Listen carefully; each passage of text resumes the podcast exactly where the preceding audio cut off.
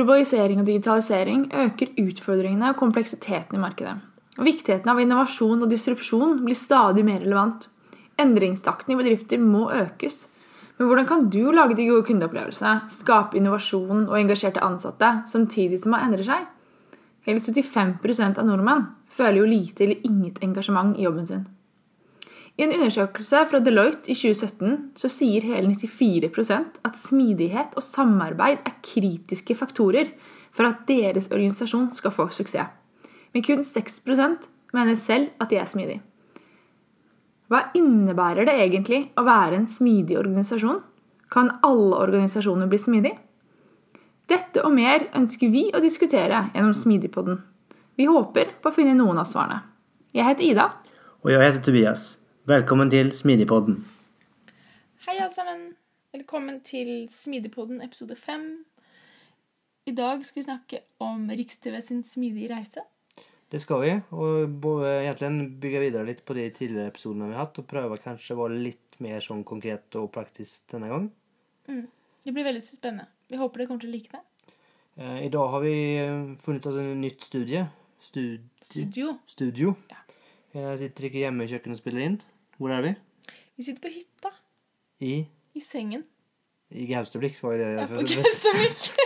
Men ja, i sengen. Ser litt annerledes. Ja. ja. Så det er lørdag kveld. Vi sitter her med en eh, varselglass god Rioja. Mm. Og egentlig egentligen klara å starte med podden. Men tenkte før vi gjør det så tenkte vi kanskje ta en liten sånn wrap-up. For nå er det slutten av januar, og vi, sist vi spilte inn, så var det vel sånn slutten av desember. Så det i stort sett gått en god måneds tid.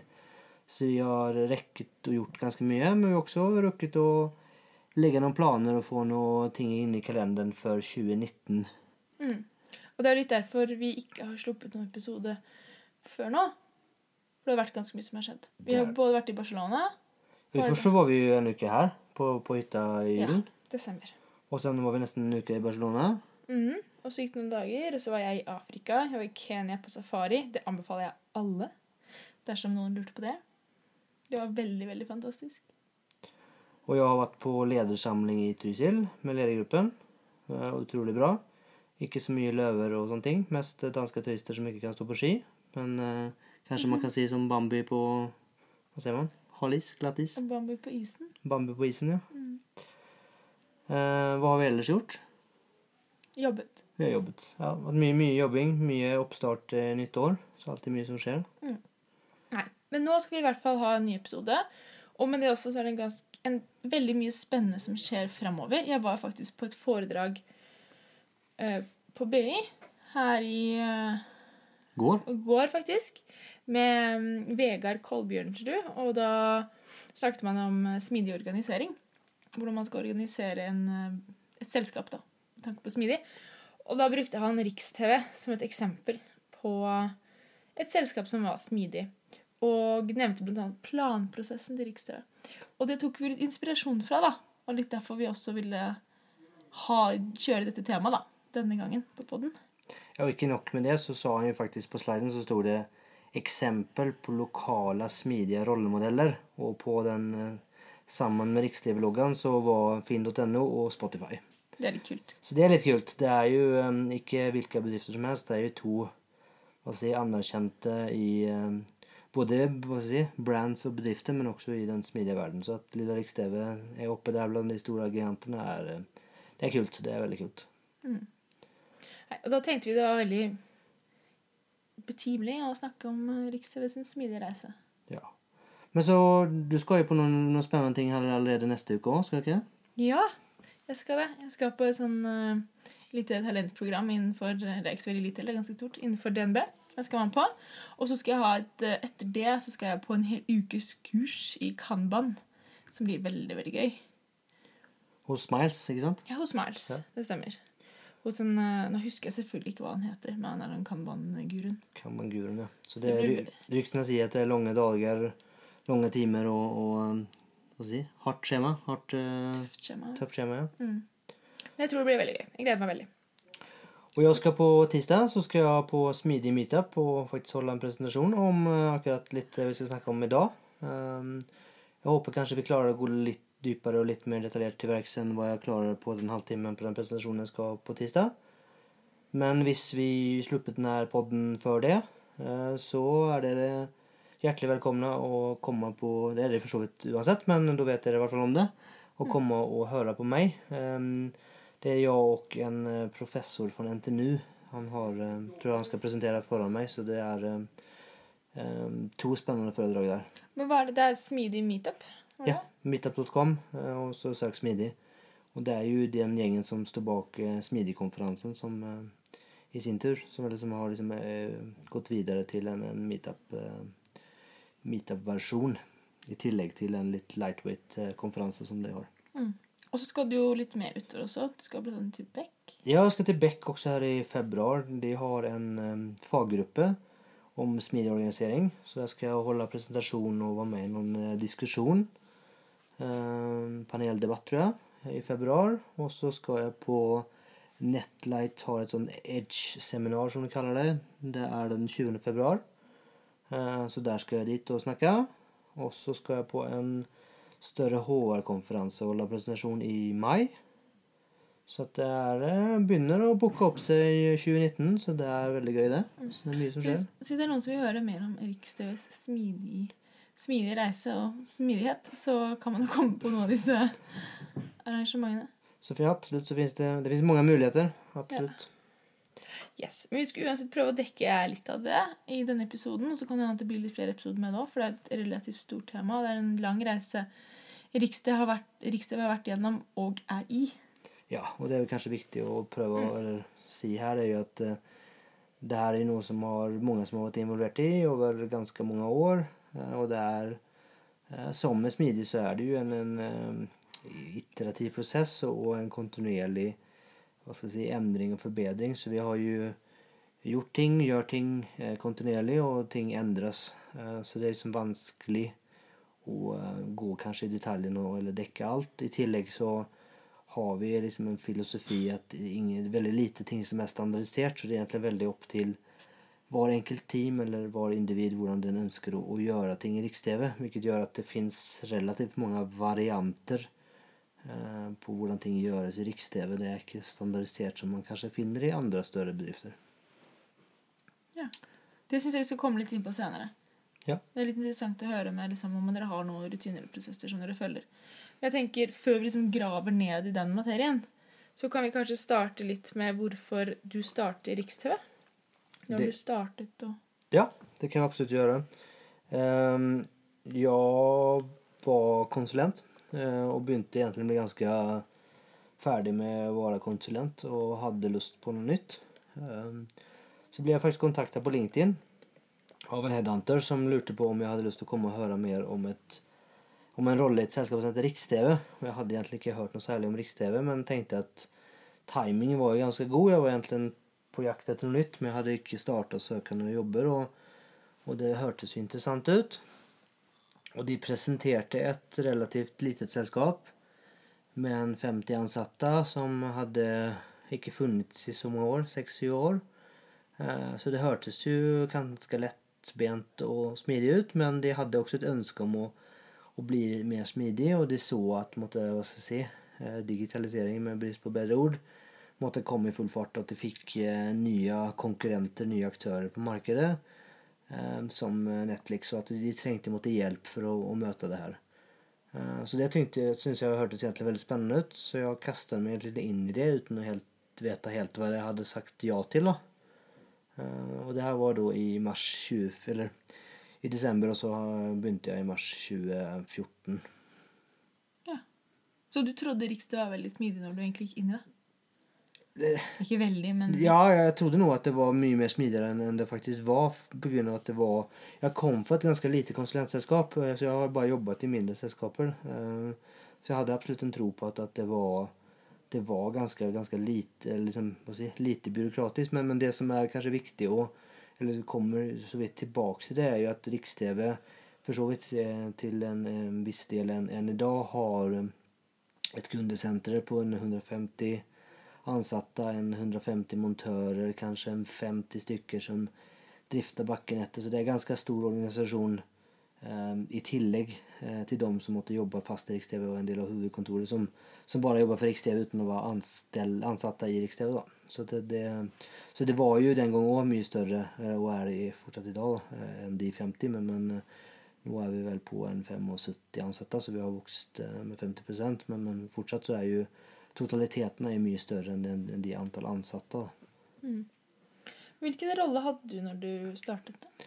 Eh, jeg begynte som teknisk prosjektleder, og da var jo oppgaven min egentlig å eh, implementere eh, Vi snakket den gangen veldig mye om prosjektmetodikk, og det er kanskje litt ironisk eller morsomt i seg selv at det var veldig fokus på, på prosjekt og prosjektmetodikk, og det var jo Riks-TV var jo organisert i veldig sånne klassiske fagsiloer.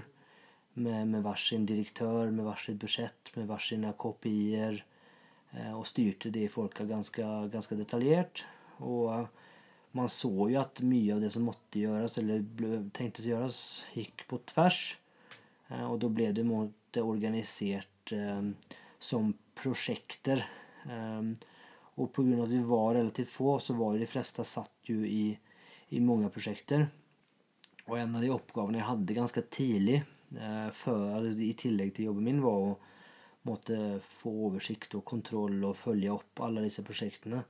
Og da husker at vi gjorde en opptelling, og det var jo det var vel to funn som var veldig interessante. Det ene var at det var nesten like mange parallelle prosjekter gående som det var ansatte i selskapet. Så var nesten 50 prosjekter? Ja, ja, ja. gående, gående parallell. Och, og och när projektledarna då, det var ju också lite externa och lite interna och lite allt möjligt, måtte telte opp deres forventede eh, förväntade måtte, tillgänglighet hos, hos enkelte ressurser så var det jo meg inkludert hadde vel en sånn forventet levering totalt på 400-600 procent eller noe sånt.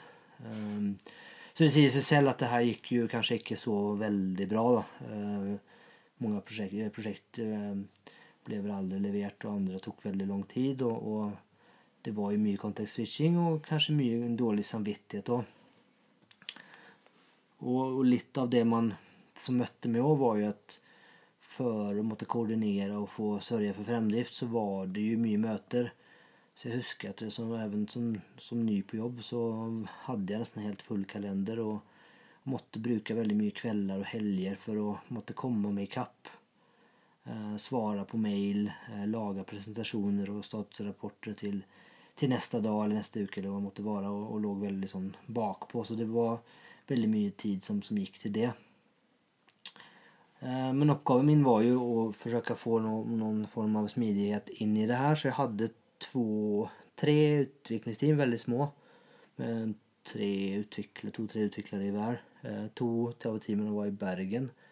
Så jeg reste en tillegg, til en, i tillegg en hel del til Bergen, og så hadde jeg et lite med noen konsulenter som satt på huset. Um, som egentlig var ja, Hva skal man kalla det? Riks-TVs utviklingsavdeling er vel kanskje nærmeste riktige ord man kan, kan bruke. da.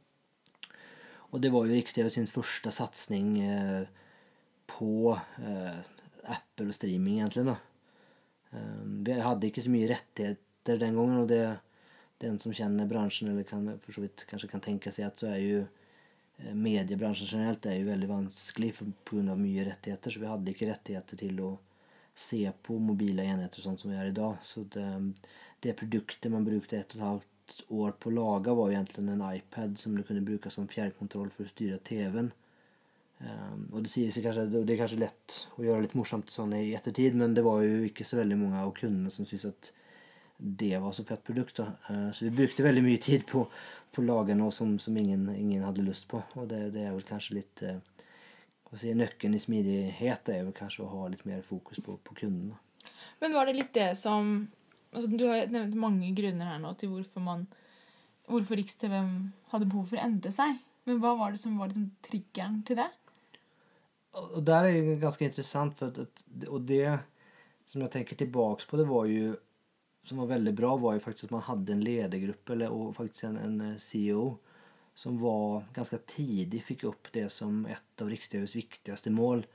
Det var å være, eller bli smidig uten at jeg er helt sikker på at han visste hva han bestilte, eller hva han ønsket seg, men han var i alle fall sikker på at det måtte vi bli, hva det nå enn betydde, for å måtte klare å konkurrere ikke bare med de nasjonelle aktørene, men også de internasjonale. For vi i de årene her, og årene eller opp mot jeg begynte, og i det her, så, så kom jo de store internasjonale og nasjonale for så vidt strømmetjenestene veldig på, på banen. Eh, og man begynte liksom å se, og fiberutbyggingen, så man begynte å se at måtte, konkurransen ble tøffere og en, en helt annen måte enn tidligere. Da. I tillegg så så man også at eller det var jo med å skru Riks-TV til å gå fra mot en salgs- og markedsbedrift over til egentlig en teknologi- og IT-bedrift, som også gjorde at vi trengte å attrahere en annen type kompetanse.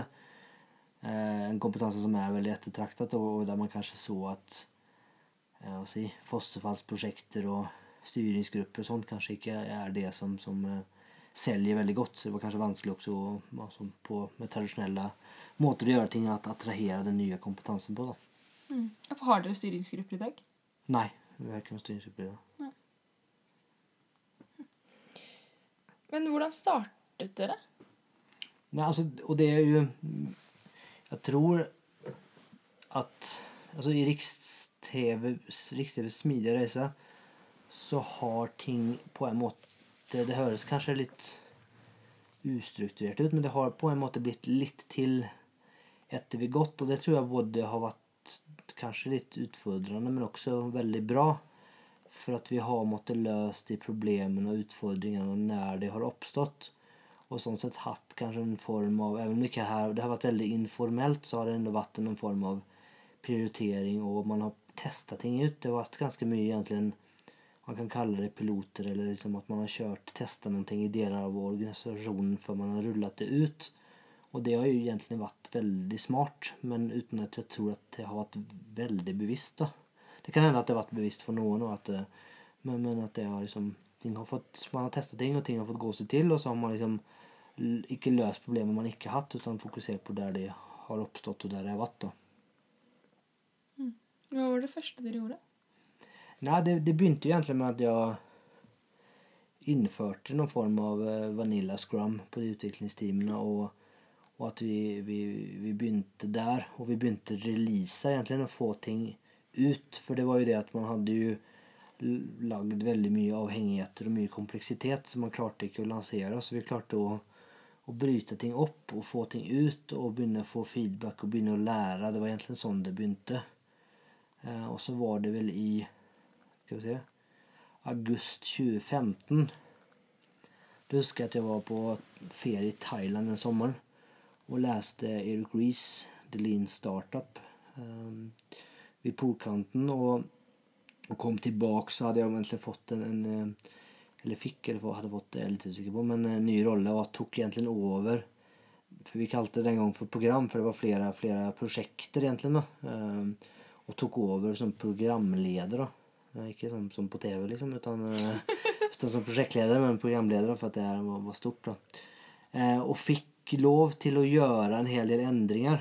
Eh, og det var der det kanskje når det virkelig begynte, for det var da vi begynte å insource. Eh, vi begynte med våre første tverrfaglige team, med våre første dedikerte product owners, eller produkteiere, eh, som i dag vil kalle for effekteiere. Eh, og det var da vi virkelig, virkelig begynte Eller egentlig Eller virkelig, det var da faktisk vi begynte å se noen effekt av det i det hele tatt. Det er mer riktig å si at vi, vi klarte, og det ene app-teamet der klarte å øke den retention, altså hvor ofte en kunde eller en bruker kommer tilbake med, med en femfaktor. Um, og man begynte å se at men, det er noe her. Uh, og um, vi, vi, gjorde om på hele modellen, og vi begynte liksom å ha en god dialog med den styringsgruppen vi hadde da. At det kanskje den mer klassiske modellen og sånn ikke helt fungerte. Og man begynte å se at, at det var bra. Og så bygde vi videre på den modellen. Så det var først ett team, og så var det to team, og så var det tre team i hvert fall. Kanskje fire team. Eh, samtidig som vi også skalerte opp og begynte å få skikkelig traction på, på den utviklingen der. da. Men det her må jo ha skapt en enorm altså, liksom, engasjement og glede og liksom, inspirerende hverdag for ansatte. Da. For de som er med, var med i disse timene? Ja, det gjorde det. Men det, var også veldig det, det, absolutt, men det var også med å skape vanvittig mye si, frustrasjon og, og eh, friksjon da, mot resten av organisasjonen som ikke var smidig. da. Hva var det Ja, det er interessant. Fordi ehm, den marknadsavdelningen vi hadde var jo ikke rigga for å få en, ny app de skulle kommunisere. I starten var det jo kanskje var tredje uke, og så ble det varannan uke, og til vi liksom kanskje hadde en lansert flere, dager, flere ganger i uken. Det, det, var, så, så at det klarte ikke de å forholde seg til, og at vi ikke hadde noe noen tydelige deadlines og at vi hadde løpende lanseringer og at vi hadde lyst på involvering og innspill. Og det var mye der som, som var med og skapte ganske mye utfordringer og friksjon. Um, og vi hadde en, en halv organisasjon, eller en del av en organisasjon, som hadde en helt annen modensgrad og en helt annen forståelse. Um, så det var liksom På en måte var det bra, for vi fikk testa ting ut og vi fikk vist at ting fungerte, men det var også med å skape en, absolutt en del frustrasjon. Mm.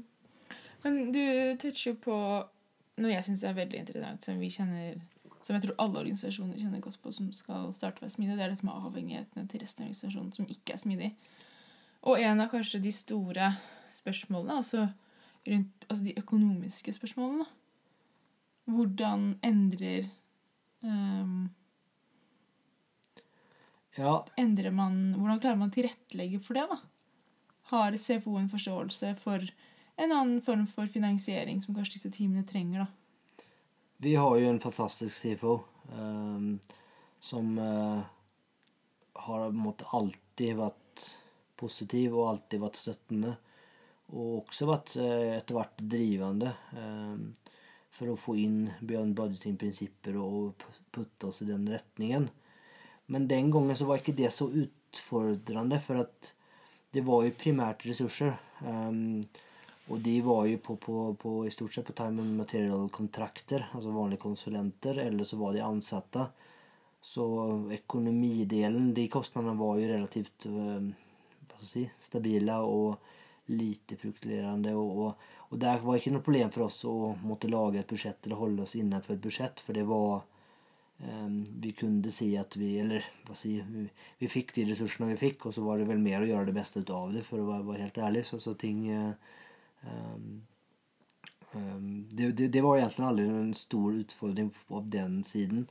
Og eksperimentering og sånn Vi var jo begynte en del med cloud og den biten allerede da. Og det var såpass små kostnader, så det var også ganske uproblematisk å få, få lov til. Um, og det er vel også heldigvis så er jo Riks-TV eller er jo en ganske liten og informell eh, bedrift, så at jeg si, Men det er jo nå sikkert en, en del kostnader som måtte ha blitt tatt på privat kredittkort og tatt på utlegg eh, for å få ting igjennom og vist at det har fungert. Og så har man formalisert og styrt det opp i, i ettertid. Eh, så det gikk egentlig ganske bra, må jeg si.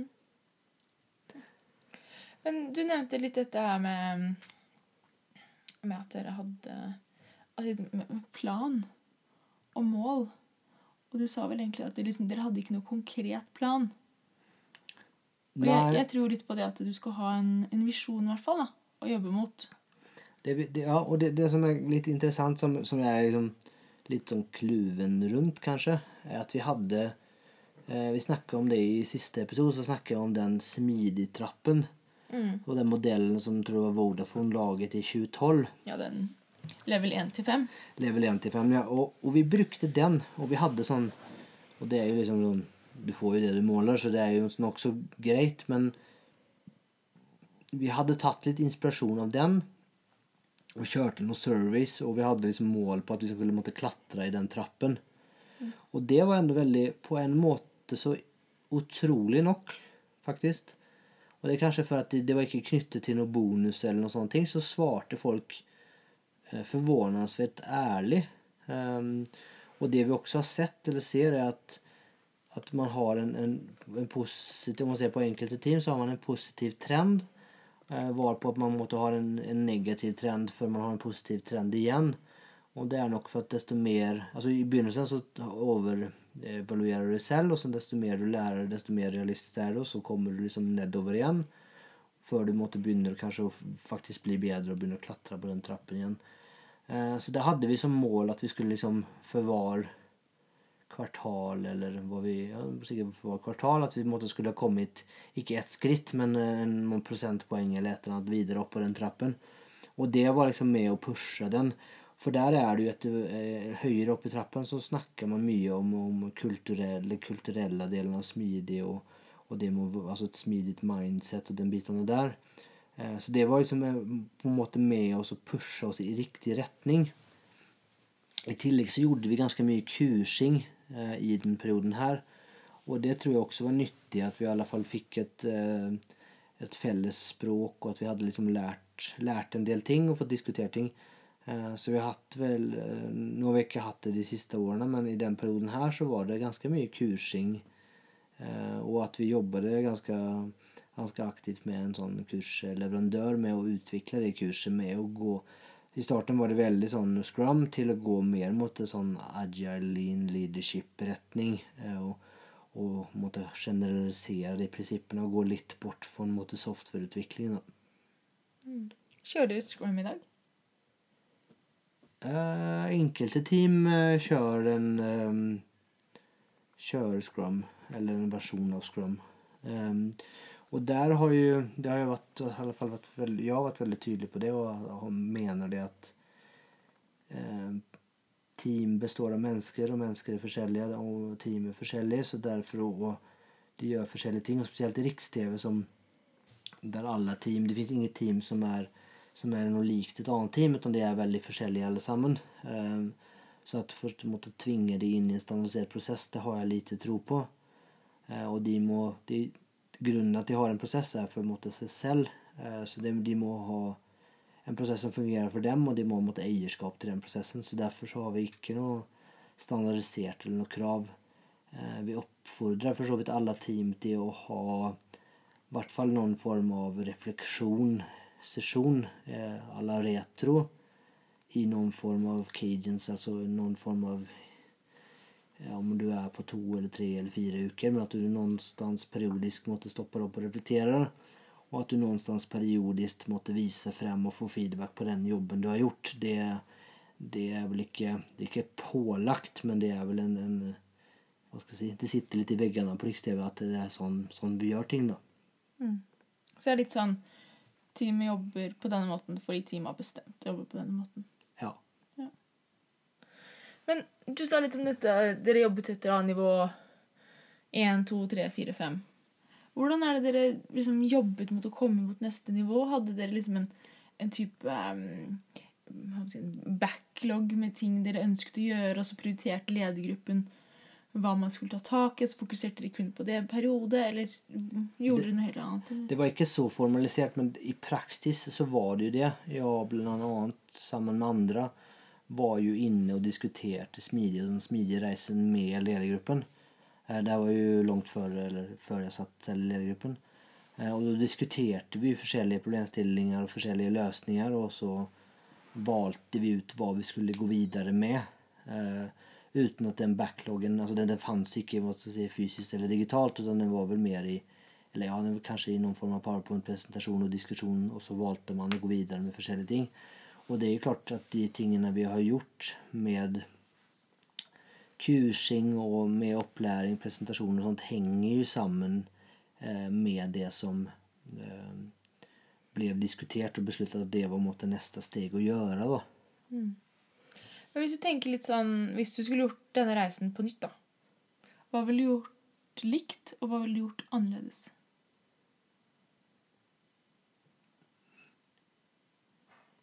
Veldig godt spørsmål. Jeg tror at at jeg hadde kanskje gjort ganske mye likt. For at det som var, som var fint, var at, og det tror jeg er nøkkelen for å lykkes, det var at det ble drevet underifra, eh, annet fra meg. Men det ble også tydelig uttalt ovenifra, fra ledergruppen og fra CEO, om at det her var viktig. Eh, og da får du en vanvittig kraft fremover. Jeg var jo Riks-TV på en måte litt sånn heldig at vi hadde den måte perfect stormen med en bransje og marked som endra seg med internasjonale og nasjonale eh, konkurrenter som dykket opp, og som, som gjorde at vi, liksom, vi hadde en veldig sånn sense of urgency. Eh, som måtte gav oss medvind, at vi måtte endre oss. Og det er jo eh, si, veldig, veldig nyttig. Og klart, hadde jeg ikke hatt den, så hadde jeg vel kanskje vært tvungen å skape den, eller kommunisere den på en måte. At det faktisk var viktig at vi, vi endret oss. Eh, men jeg tror nog at jeg kanskje hadde vært litt mer strukturert når det kommer til det med eh, problem eh, versus løsning. Prioritert i problemene, prioritert i løsningene eller antatte løsninger på problemene. Målt mer, fulgt opp, sett hva som var tiltak, om det ga den effekten vi ønsket, hatt diskusjonen på hva vi skal gjøre neste gang. Så kanskje vært litt mer strukturert, strukturert til tilnærmingen. Men det som har vært viktig og riktig, er at nå har jeg snart vært Riks-TV3 i fem år. Og det her har jo tatt mer eller mindre fem år. Eh, og det er klart at det har vært en vanvittig reise for meg òg. Eh, både karrieremessig, men også læring om, om ledelse, om, om smidig og om, om, forskjellige ting. Eh, så klart at jeg håper og tror at jeg hadde gjort en bedre jobb i dag. For jeg har lært meg såpass mye mer om, om både meg selv og, og om, om, faget på de fem årene enn, enn hva jeg visste når jeg måte, ga meg ut på denne reisen. Mm. Men du har vært inne på, på en ting som jeg har litt lyst til å diskutere litt mer. Det er dette du nevnte så vidt, med ledelse. At dere hadde, det, det har det dere kaller for effekteiere.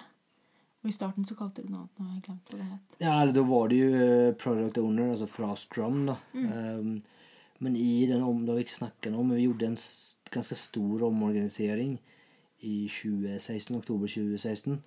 Um, der vi la ned alle avdelinger Uh, startet eller opprettet nye team som i mye større grad var tverrfaglig. Ehm, de teamene fikk et dual leadership med en smidig coach, og det som vi da valgte å lande på, var effekteier. Eh, for at eh, mange av disse teamene har ikke en produkt per se. Eller i hvert fall ikke en, en handfast produkt. Det kan jo være en kan jo være noen kampanje eller en merkevare eller et kundcenter som man kunne kanskje si at det er en produkt. Men, men det klarte klart det helt å kjenne igjen seg i begreppet produkt. Så da valgte vi å velge noe som var lite mer generisk. Mm. For jeg syns um, Jeg syns dette med dual leadership er veldig interessant. Og det at du kanskje klarer å ivareta mennesker på en litt bedre måte. I denne i en sånn type ledelsesfilosofi eller organisering, da, hva du velger å kalle det. Ja, ja, jeg er helt enig. Og jeg, jeg husker at jeg, jeg, så en Det var noe sånn her ledelseprogram eller eh, altså ledelsesutviklingsprogram eller noe sånn kåring eller noe.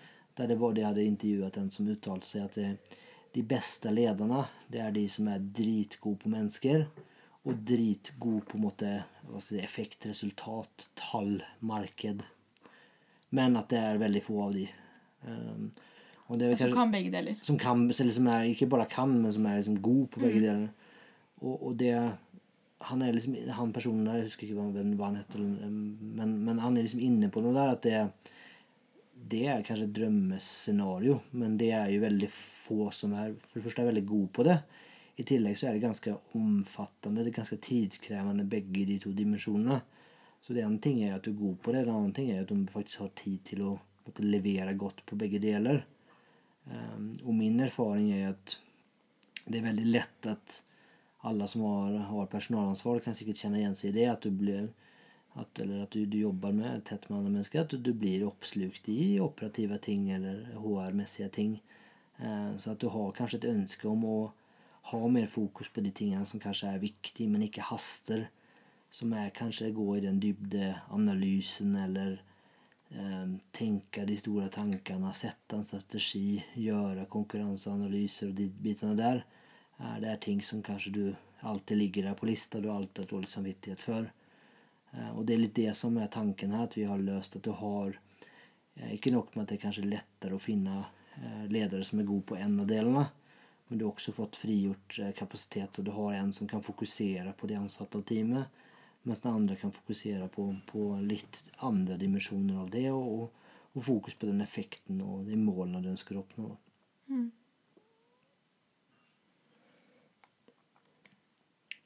Men hva er det som kjennetegner Riks-TV i dag versus tidligere? Det som, som, som er viktig for Eller som som jeg, si, Det som jeg liker å trekke fram, eller som er fint å trekke fram, er jo at altså, smidig, smidig, er jo ikke et, mål i seg selv, utan du, du gjør det for å eh, løse noe annet. Eller så det er en, en, en, en måte å løse et annet problem eller å, å få frem noe annet. Da. Og i Riks-TV så har vi jo eh, ser vi at over de årene vi har jobbet, så har vi hatt en veldig, veldig positiv eh, eh, utvikling på trivsel, medarbeidertrivsel. Som nå i siste måling er oppe på 9,2 av 10 med hvorvidt de trives i Riks-TV. Så den har liksom økt for hvert eneste år. Så at vi liksom med måten vi gjør ting og organisert på, så, så har vi en vanvittig høy trivsel. Eh, og jeg eh, personlig har en veldig tro på at motiverte ansatte klarer å, lage de beste eh, altså gjøre den beste jobben. Og du, det du trenger å trives på jobb, du trenger å være motivert for å måtte skape innovasjon og komme opp med de gode ideene. Og da kommer vi litt inn på den andre dimensjonen, og det er jo hvorvidt er kundene fornøyde. Og i 2018 eh, så vant eh, Riks-TV BI sin årlige pris for Kundebarometer? Kundebarometer, ja. ja for hvorvidt kundene er fornøyd og de er lojale. Og det er ikke bare at vi vant, utan vi har også der hatt en vanvittig positiv utvikling over tid. Der vi har blitt bedre og bedre for hvert eneste år. Eh, så de to sammen der tenker jeg er liksom eh, resultatet av at vi har gjort noe veldig bra. da. Mm. Du sier dette motiverte ansatte. Tror du at det å ha motiverte Dere har jo et veldig kundefokus. Ja. Tror du det å ha et kundefokus og det å skape motiverte ansatte henger sammen? Um, det tror jeg absolutt, for det handler litt om um, hva skal jeg si mestring eller, eller, eller mål, altså purpose. At du, du, du, gjør noe for noen. Det tror jeg er viktig for, for, for de fleste. At de liksom føler at de, de bidrar til noen. Mm. Og klart, desto tettere det er til noe altså At du nesten kan prate med det, eller at du prater med disse menneskene, eh, desto større følelse, eller eh, riktig følelse av at du faktisk gjør en forskjell. Mm. Eh, det tror jeg er med å skape en veldig sånn meningsfull hverdag. da. Mm. Og så kan man jo Jeg, jeg tenker med, med TV altså Det er jo, er jo på en måte fint, for det er jo noe som alle mener noe om. På godt og vondt. Og det også gjør at du kan ha veldig sånn stolthet i jobben, for at folk vet hva det hva du gjør og hva det betyr. Jeg husker når jeg var, var konsulent, så var det iblant jeg skulle prøve å forklare hva jeg jobba med, og det var liksom folk bare så på meg som jeg snakket gresk. Og det gjør jo noe litt mer at ok, det jeg gjør, det er i hvert fall ikke viktig for den personen jeg snakker med nå. Og da kanskje, Hvorfor er det da viktig for meg? Og så er du kanskje inne på en litt mer sånn negativ spiral. Så jeg tror absolutt det at det henger sammen. At du har et det er noe som folk har et forhold til, eh, og det er viktig for mange. Og at vi har et tett, eh, tett eh, dialog med kundene. At, og at vi kanskje også da lanserer ting hyppig. og sånne ting. Jeg tror ikke bare det at det jeg gjorde i dag, det får jeg liksom kanskje til og med i dag eller i morgen får jeg liksom feedback på mm. om det var riktig eller ikke. Utan, og jeg vet andre som har jobbet i andre selskaper, at de kanskje fikk feedback et år senere. Mm. Da den personen som har, slutt, eller den som har gjort det her, han har sluttet, eller du husker ikke at du har gjort det engang. Mm. Da er det liksom litt borte. Her får du liksom på en gang at ja, men nå har du gjort en god jobb. Og det, liksom, det tror jeg er veldig viktig. Da. Det er gøy òg. Ja, veldig gøy. Å se resultatet med en gang. Ja. Men ha, betyr det at dere har statiske team? I, i, hvilken Nei, du sier jo det at man får uh, Altså man har Som, som ansatt har man veldig eierskap overfor produktet, ikke sant? og du har liksom kontakt med kunden. og Du sier at ting blir lansert. Er, da, er du i statiske team? Eller er det det mer at du har eierskap til altså produktene til Riks-TV som en helhet mer? At du føler det som en del av noe litt større? Eller er det sånn at du har ansvar for Nå husker jeg ikke hva alle timene deres heter, men uh, ja, eller Apple-boksen, for eksempel. Appen der, er det, det, er det du jobber med? Eh, både ja og nei. Jeg tror eh, at de fleste Riks-TV har veldig eierskap til Riks-TV eh, som hva skal jeg si, selskap eller som brand på, på, et, på et høyere nivå, og det er klart en dimensjon av det. Når det kommer til mer konkrete ting, så har vi jo gått fra en veldig tradisjonelt selskap, eh, kaller det hierarkisk byråkratisk om du så vil, eh, mot et veldig teambasert, eh, med mer faste team, med tydelig eierskap. Og det er liksom den retningen vi har jobbet i de siste årene. Men nå i den siste halvåret, kanskje, så går vi mer imot en retning til kanskje nettverksorganisering eller en mer dynamisk allokering. At organisasjonen i større grad endrer seg med de målene og de aktivitetene som vi felles har blitt enige om at vi skal levere på. Eh, Og da er det jo sånn at det er ikke nødvendigvis at du hele tiden sitter i samme time og jobber med samme menneskene. Utan det henger i større grad sammen med hva vi har blitt enige er det mest viktige. Eh, Og har sånn sett en mye mer dynamisk organisering. Eh, Så det er ikke sikkert at den produkten, eller om det nå var det du jobber med, er det du alltid vil jobbe med. men det er noe som, som er mer dynamisk. Men det er klart det er veldig viktig for oss at eh, de berørte er involvert og, og kan si sin mening og kanskje komme opp med sin løsning. Så, ikke, eh, så vi prøver jo så, så langt det er mulig at, at, eh, at, at Eller vi vil jo så klart at du skal jobbe med noe som du brenner for og er motivert for. Og det ja, vi opplever at vi faktisk klarer å catere for ganske bra. og og folk, Eftersom de har vært involvert i den prioriteringen, så er de veldig enig i det og skjønner hvorfor det her er viktig, og ønsker å bidra. Og igjen så er det liksom tilbake til det eierskapet, at folk ønsker å levere der de Men det du sier nå, er at uh, dere har felles målsetningsprosess. Er alle ansatte med på å sette målene deres? Ja, det skulle jeg si. Hvordan, hvordan gjør dere det rent praktisk? Eh, Det er en prosess som går både Det er liksom kanskje viktig å si at den er veldig iterativ. Eh, Og det er både oppifra og ned og nedenfra og opp. Eh, Og det er veldig viktig. Ledergruppen utarbeider et utkast på mål og retning, og så klart basert på, på innspill. Og så er våre mellomledere, våre smidigcoacher og effektägare er med og diskuterer det videre og forbedrer det enda mer. Så blir det tatt til teamene, og de får komme med innspill, og de får også tenke hva, hva mener vi er viktigste aktiviteter for å få levert på det her. På sine produkter da, eller på generelt hele overhånddrikks-TV?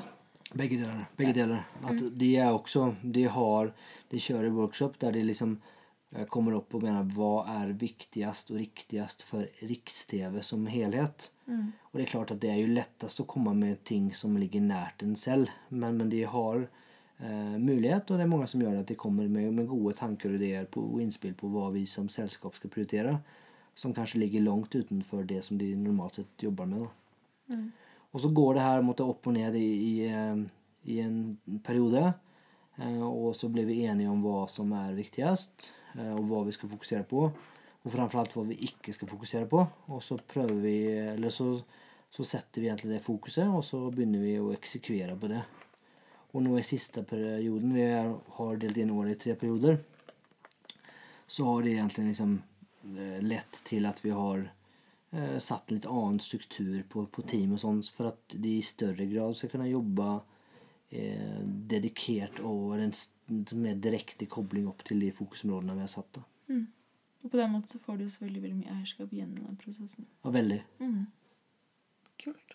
Men nå har du snakket om målsettingsprosessen, som jeg i hvert fall syns er veldig veldig interessant, og beyond budgeting, som jeg også liker. Men tror du at det kan Jeg tror spørsmålet mange sitter med nå, da, er kan dette fungere for større bedrifter? Absolutt. Eh, nå, nå, det har vi snakket om veldig mye, om, om, eh, om Spotify-modellen og Cargo Cult og hele det her.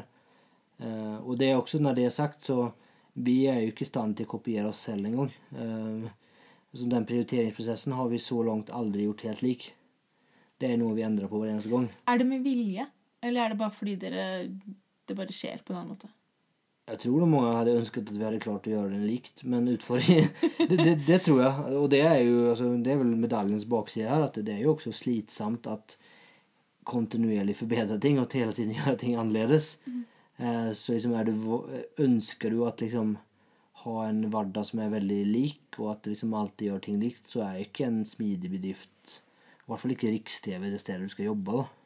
Um, og det er klart, det, det, er jo litt frustrerende til stunder, men, men det er jo Det hadde jo vært veldig dumt hvis vi eh, lærte ting, at vi så ting, og at vi ikke gjorde læring av det, og ikke endret oss. Det er liksom, på en måte, det er jo, mener jeg, definisjonen av smidig er jo at du faktisk på den feedbacken du får, at du faktisk utvikler og lærer og endrer basert på det. Mm.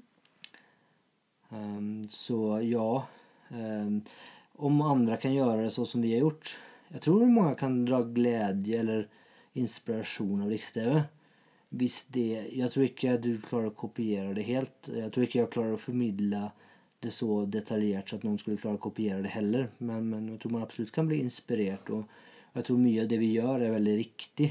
Eh, og sånn sett at det er mye hva skal jeg si, eh, forskning og læring som ligger bak. Eh, og jeg tror noe, uansett hvor stort selskap du skal ha, så er det noe jeg tenker er viktig med eierskap og involvering og, og fokus. Altså det å ikke at ha hele selskapet og marsjere i samme retning og, og jobbe mot de samme målene, er jo vanvittig kraftfullt. I stedet for en organisasjon som kanskje trekker i to forskjellige retninger og sånn sett ikke kommer noe som helst sted. Eh, så klarer du å få til de tingene, så er det jo veldig effektfullt.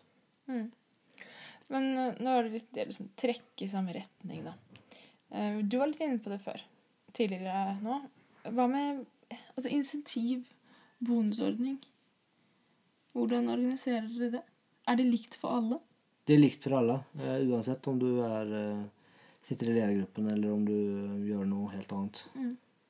Hva tror du det har å si for liksom Ja, rent personlig så hadde jeg nå ønsket at vi ikke hadde en, en, en bonusmodell. Ehm, men, men, nå er det noe sånn at vi, vi, vi har det. Så vi, det vi har som mål, er å gjøre det beste ut av, av det. Vi har noen rammer og, og, krav som vi måtte forholde oss til. Hvor, ehm, hvorfor vil du ikke ha bonus? Min holdning til ehm, eller hva si, filosofi når det kommer til lønn, er, eller til eh, ekstern motivasjon, er at eh, Og der finnes det en del interessant forskning fra BI som viser at du er bare en viss mengde motivert. Eh, så putter du på mer ekstern motivasjon, så går den interne motivasjonen ned. Eh, så det du egentlig gjør med å putte bonusordning, er at du dreper den interne motivasjonen. Eh, så, det, er liksom, det er den ene dimensjonen. Og en andre er at har du en bonusmodell som er litt eh, gærent satt opp, og det er liksom veldig lett å gjøre Vanskelig balanse. Veldig, så, så, så du kan helt, Da får du Spesielt eh, når du har kanskje individuell eller avdeling. Mm. Da kan du få veldig, du kan catere for veldig rart beteende, veldig rart atferd. At folk begynner å gjøre ting, og du skjønner ikke helt hvorfor de gjør det. Eller hvorfor de gjør sånn, og så er det egentlig du som har lagd et system som eh, som legger opp til det. Så det er som mener at du bør også være veldig forsiktig, for du kan få veldig mye sånn at eh, konflikter eller uenigheter, og folk prioriterer sine egne ting. Og, og det er sikkert mange som har blitt eh, opplevd at sånn mot slutten av året så blir oppringt av mye selgere eller det er mye sånn reklame og sånne ting. Det er ofte det, for at da er det sikkert noen bonus som er knyttet opp til kalenderår. Og du får litt sånn fors Forsvaret som skal ut og skyte av all ammunisjon ved slutten av året. Du får veldig mye sånn rare, rare beteender da, mm. som, som, ikke er helt heldige. Man opptrer litt mer for sin egen interesse, kanskje, mer enn selskapet eller teamet sitt. Ja. Og da tenker jeg at det er bedre å ha en, en lønn eh, som er fair, eh, og du vet at du blir tatt vare på, eh, og du ikke Altså at Lønn er ikke en demotivator. Eh, det er ikke noe du har fokus på. Utan du har fokus på å gjøre det beste du kan eh, og levere det som du skal levere. Og, og, og er fokusert på det istedenfor å, å tenke så mye om, om eh, hvis du har lov si, nok penger igjen til å kjøpe mat, eller hva det måtte være. Eller mm. få, få, nok bonus for å kjøpe julegaver til, til barna. At det, liksom, det, det, det skjæler masse energi og fokus og setter fokus på feil ting. Da. Jeg synes Vi har jo hatt ganske mange interessante samtaler om akkurat det her. Og noe av det vi har liksom snakket om, er at lønn er en, altså en hygienefaktor. Det er noe som skal ligge til grunn, det er noe som skal fungere. Og man skal føle seg rettferdig behandlet. Basert på både internt i selskapet, men også eksternt der i forhold til markedet. Mm. Det syns jeg er en fin måte å tenke Absolutt. på. Ja, absolutt.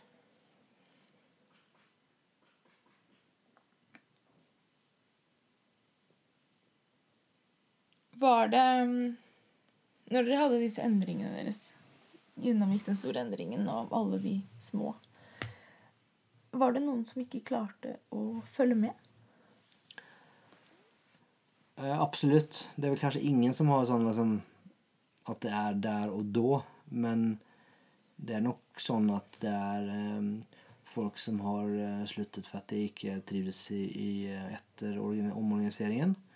Eh, og klart at det er jo vanskelig, eller det er vanskelig å si hva, hva som er eh, akkurat hva som er driveren, men, man kan alltid spekulere i det. Og det er klart det ligger jo en del dimensjoner i smidig som, som, eh, som kan være utfordrende. Altså det ene er jo det at du jobber kanskje i større grad i team eller sammen med andre. Det er kanskje ikke noe man trives med. En eh, annen dimensjon er jo åpenhet. Det blir veldig tydelig hvis du ikke eh, leverer. Eh, Det kan være ubehagelig, eller at du føler at du kanskje føler deg overvåket, og at du syns at det er ubehagelig av, eh, grunn.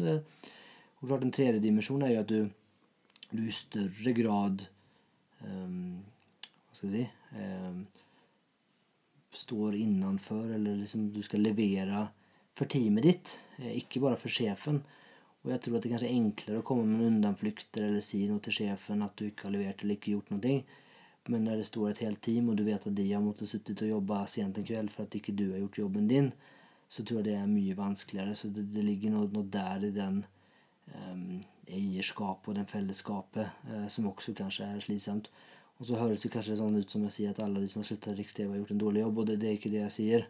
Eh, Det finnes sikkert mange grunner, og det finnes sikkert de som har vært i Riks-TV lenge og ikke var helt urelatert og hadde kanskje lyst på, på ny jobb, men, men absolutt så er det kanskje noe i den smidige modellen som, som gjør at det ikke helt passer for alle. Og det er jo helt greit. Ja. Ja, folk er forskjellige. Men um, jeg tenker sånn helt sånn på tampen, da. Eh, som jeg, du sa i stad, som jeg tror kanskje mange også er litt interessert i, det er dette med rutiner og prosesser, som du sa. Dere har ingen standardiserte rutiner og prosesser. Teamene kan gjøre litt sånn som du vil. Men dere må jo ha noen fellesnevnere for hvordan dere gjør ting. De kan ikke være, kan ikke være helt uh... Nei, og det er vel kanskje noe som vi, vi ser Og det, det tror jeg kanskje noenstans har med størrelse å gjøre, mer enn med smidig å gjøre. Eh, og Riks-TV er jo er og har alltid vært en ganske liten selskap og ganske eh, liksom en, vært ganske gründer der man liksom har eh, og hatt et veldig godt samhold og god kommunikasjon hele veien. Og det har også kanskje gjort at behovet Og historisk sett hatt ekstremt lav turnover òg, så det er veldig mange som har vært der ganske lenge. Og det er ikke sånn altså ehm, Det husker du fortalte at det, det er jo altså, i, i, I Deloitte, der du jobba, så var det liksom Det var det er fire ganger mange, mange studenter som begynner i Deloitte hvert år, som det er ansatte i Riks-TV. Liksom. Det, blir, det, det, liksom, det, det, er, det er det blir liksom en annet system eller annen, mm. for å håndtere de type tingene. Eh, mest, mest av oss går liksom å å spørre eller finne ut av. Men det er klart at vi merker at vi, vi har jo vokst med 50 under den tiden jeg har vært der. Og kanskje mer enn det. Vi er vel en med konsulenter og samarbeidspartnere og sånne ting, så er vi kanskje en 100-110 eh, hver dag på, på kontoret. I tillegg til montører og konsulenter. Ja, ja. Ehm, Så det er klart at det, vi har vel det som når vi vokser og blir flere, så, så har vi kanskje større behov for å eh, Jeg skulle ikke kalle det nødvendigvis å standardisere, men at det i alle fall finnes noen form av best practice eller noenstans å gå til. Noen fellesnevnere. Noen fellesnevnere, og du kan bli liksom Du må ikke, du må ikke finne opp hjulet selv hver eneste gang, men ikke nødvendigvis. altså Vil du ha et litt annen eh, form og farge på Kanskje ikke form, men annen farge på hjulet, i hvert fall, så, så det liksom, skal det være lov opp til deg. Men at vi kan i hvert fall levere et hjul hvis du ønsker det. Eh, Og det er klart at Nå har vi jo sett på en del ting som vi har sentralt, og vi ser verdien av det. HR og rekruttering er en ting. Eh, Vi har jo brukertesting også som en sentral tjeneste. Eh, Økonomi eh, er for så vidt eh, også egentlig en sentral tjeneste. Så det er noen ting vi, på en sentralt som man, man kan få hjelp til. Men der de kanskje er i større grad rigget for å tjene kundene sine, som er de andre på, på ansatte på Riks-TV. Mm. Jeg tror det er viktig for liksom, lyttere å forstå at det er jo ikke helt anarki. Det er jo noen fellesnevnere for liksom, Dere har jo noen regler for hvordan man skal levere inn reiseregninger og sånne basic ting. på en måte. Absolutt. absolutt. Men uh, teamene i grad kan bestemme hvordan de skal jobbe selv. Ja. Og der kanskje kommer i bond budgeting inn at det, det er jo mye, mye tillit uh, og mye åpenhet, så klart. At, uh, og at det er jo, vi ønsker at de som sitter nærmest problemet, kan ta de fleste beslutningene, men at de måtte kan stå bakom de, bak de. Eh, og at de også Vi forventer jo at eh, hvis det går gærent, at de gjør det som trengs for å måtte ta oss tilbake. Eh, og at de også har involvert eh, de som de mener er riktig. Det trenger ikke nødvendigvis være sjefen, men at det er den som, som de mener blir berørt, eller som kanskje har noe fornuftig innspill basert på tidligere erfaring eller jobber eller hva det måtte være. Ja. Hva tenker du? Har vi Jeg tror vi har dekket veldig mye spennende. Ja. Jeg håper dere Det ble litt sånn brå slutt, kanskje. jeg vet ikke. ja. Men eh, jeg håper dere syns at det har vært interessant. Og så tenker jeg kanskje at vi tar opp tråden senere i en annen episode. Og gjerne kom med innspill til hva dere ønsker at uh, vi skal diskutere mer. Det hadde vært veldig fint. Hva dere syns er spennende å høre om. Det er det som er viktig for oss. Ja, vi setter veldig pris på tilbakemeldinger, eh, innspill, spørsmål, hva det måtte være.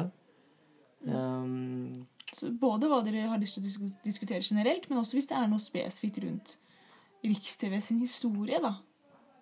ja, eller om det ja, noe som dere syns kanskje litt sånn uh, fluffy eller uklart, Ja. skal vi skal være litt tydeligere på, så er det absolutt interessant. Og så ble jo dette en veldig lang episode plutselig. Men jeg håper det har gått greit å lytte gjennom. Ja. Um, så håper jeg vi kanskje ses på tirsdag, eh, eller på noen av de andre stedene som sikkert dukket opp. Um, og som vanlig, um, du finner oss på Instagram, at smidigpodden, gmail, uh, smidigpodden at gmail.com, Facebook, Facebook. hvor vi er litt inaktive. Vi er Ja. mer aktive på Instagram. Så jeg håper vi hører fra dere. Mm. Så håper jeg at vi ikke snakkes om altfor lenge. Lyttes. Lyttes, kanskje vi sier. Lyttes. Ja. OK, Ha det bra. ha det bra.